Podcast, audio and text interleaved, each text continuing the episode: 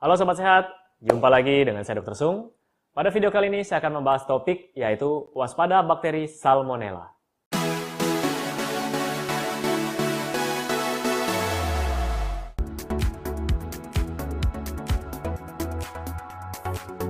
Nah, Sobat Sehat, mungkin Anda pernah mendengar istilah Salmonella. Itu makanan apa ya dok? Nah, Salmonella ini merupakan bakteri, ya, jadi bakteri gram negatif berbentuk seperti batang.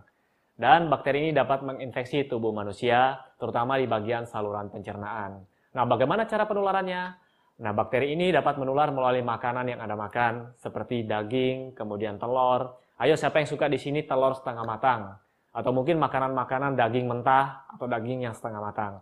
Bisa jadi telur atau daging tersebut telah terkontaminasi bakteri Salmonella. Terus bakteri Salmonella ini dapat menyebabkan penyakit apa? Nah, Bakteri Salmonella ini dapat menyebabkan penyakit demam tifoid. Dan banyak masyarakat kita atau masyarakat Indonesia yang menyamakan antara demam tifoid dengan tifus. Sebenarnya dua penyakit ini disebabkan oleh bakteri atau kuman yang berbeda. Kalau demam tifoid disebabkan oleh Salmonella, sedangkan tifus itu disebabkan oleh Rickettsia. Jadi penularannya pun berbeda, ya. Nah, sekarang kalau seandainya saya terinfeksi nih, bagaimana cara tahu gejalanya demam tifoid? Sebenarnya gejala demam tifoid ini tidak terlalu khas dan biasanya mirip dengan penyakit demam berdarah. Gejalanya yang pertama yaitu panas tinggi atau kita sebut dengan demam tinggi. Kemudian gejala lainnya karena itu terinfeksi, tubuh kita biasanya menjadi lemas, kemudian nafsu makan hilang, susah makan, minum juga tidak mau, biasanya sampai jatuh ke dalam dehidrasi, kemudian uh, kalau parah bisa sampai pingsan, ya. Lalu ada gejala lain yang kita sebut dengan bradikardi relatif. Biasanya kalau kenaikan suhu tubuh diikuti dengan kenaikan denyut nadi. Namun pada penyakit ini agak aneh karena uh, ketika suhu tubuh Anda naik, demam, tapi nadi Anda itu tidak ikut naik, makanya kita sebut dengan bradikardi relatif.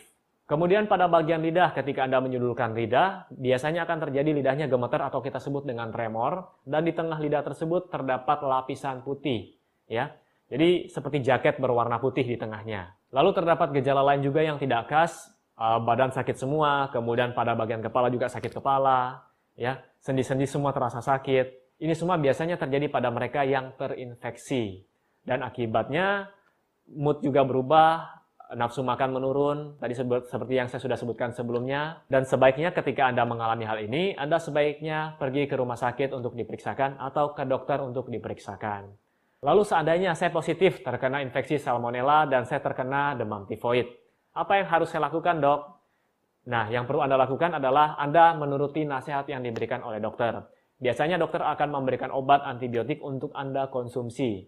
Dan bila diberikan antibiotik untuk Anda konsumsi, jangan dikonsumsi main-main. Hari ini minum, besok tidak minum, lusa minum. Jadi bakterinya akan resisten terhadap antibiotik yang akan diberikan. Kemudian biasanya dokter juga akan menyarankan Anda untuk mengurangi serat. Ya, jadi dengarkan kata dokter Anda, karena ketika Anda terinfeksi salmonella tersebut, maka usus Anda akan lebih rentan. Jadi perlu diistirahatkan. Ya, caranya gimana? Jangan mengkonsumsi makanan tinggi serat. Jadi sayur, kemudian buah-buah yang tinggi serat sebaiknya Anda hindari dulu. Karena takutnya akan memperparah kondisi usus Anda yang terinfeksi. Lalu bagaimana cara untuk mencegah supaya saya tidak tertular atau tidak terinfeksi dari salmonella tadi? Nah, caranya adalah yang pertama jaga kebersihan, terutama tangan Anda ya. Jadi sebelum makan sebaiknya Anda cuci tangan dulu. Cuci jangan cepat-cepat. Ya, sebaiknya Anda gunakan sabun, gunakan air yang mengalir. Kemudian yang kedua, hindari makan makanan yang mentah atau mungkin setengah matang. Kecuali Anda tahu bahan makanan tersebut bebas kontaminasi dari bakteri salmonella dan bakteri-bakteri lainnya. Ya, saya tidak ingin Anda makan makanan mentah tersebut Kemudian keesokan harinya atau lusanya Anda mengalami diare. Ya. Kemudian hal lain yang bisa Anda lakukan adalah ketika Anda selesai makan, sisa makanan Anda harus ditutup. Jangan biarkan makanan Anda terbuka karena nanti akan terkontaminasi melalui debu mungkin atau melalui lalat mungkin dihinggapi ya. Mungkin Anda tidak terkena bakteri salmonella, Anda akan terkena bakteri yang lain. Itu sama saja akan merusak sistem pencernaan Anda atau Anda akan keracunan makanan tersebut. Kemudian tips yang terakhir, ini buat para ibu-ibu atau buat Anda semua yang masak sendiri di rumah. Ya, ketika Anda masak daging dan masak sayur, sebelum dimasak Anda apakan? Pastinya Anda cuci dulu, kemudian Anda potong-potong. Nah, saran saya adalah pada saat memotong daging dan saat memotong sayur, gunakan dua talenan yang berbeda. Ya, tahu kan talenan untuk alas ketika Anda motong? Nah, kenapa harus dibedakan?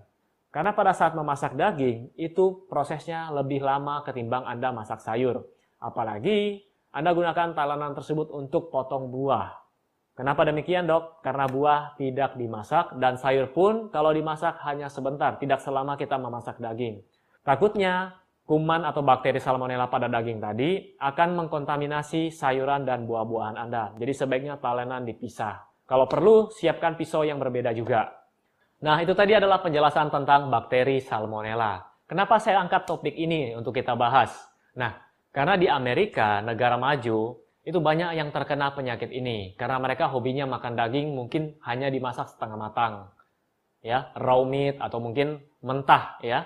Biasanya Anda suka makan sushi dan sebagainya yang dimakan mentah, sebaiknya Anda berhati-hati. Kecuali Anda tahu betul bahan tersebut tidak terkontaminasi dan higienis ya.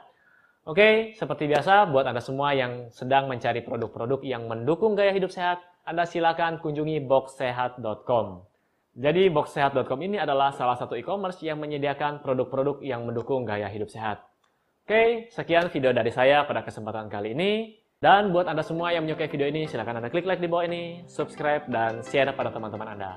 Sampai jumpa di video saya selanjutnya. Salam hebat luar biasa.